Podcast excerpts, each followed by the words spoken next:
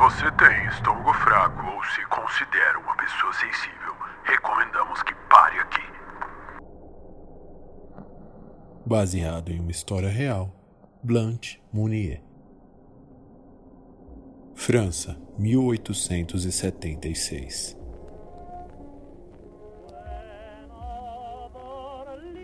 Aquele ano já passava da metade quando a garota de 25 anos, vinda de uma família abastada, se apaixonou por um advogado menos favorecido.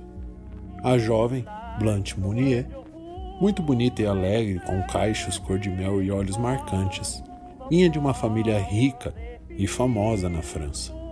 Seu pai, ao falecer, deixou uma grande fortuna para a esposa, Madame Mounier, e seus dois filhos, Blanche e Marcel Mounier.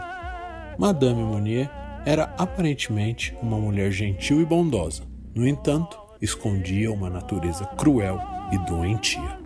Ao descobrir o romance de sua filha com um advogado pobre e bem mais velho que Blanche, não permitiu que aquela relação acontecesse. Mas Blanche protestou e disse que se casaria com ele. Naquele mesmo ano, Blanche misteriosamente desapareceu sem deixar pistas. A polícia parisiense fez as buscas, mas sem os rastros da garota, arquivou o caso.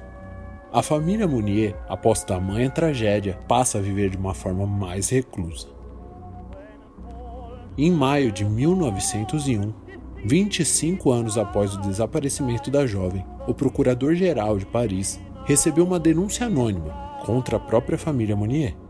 Três policiais foram enviados para averiguar, e ao entrarem na casa, sentiram um odor terrível vindo do andar de cima. Ao abrirem o sótão, encontraram Blanche, aos 50 anos de idade. Com menos de 24 quilos, acorrentada sobre uma cama de palha podre. Restos de comida foram encontrados no quarto e o estado da mulher era deplorável. Desnutrida, sobre a cama, Blanche dormiu e acordou por 25 anos sobre as próprias fezes, urina e fluidos menstruais. Sua mãe e irmão foram presos, mas a Madame Monnier morreu por doenças cardíacas 15 dias após a libertação da própria filha.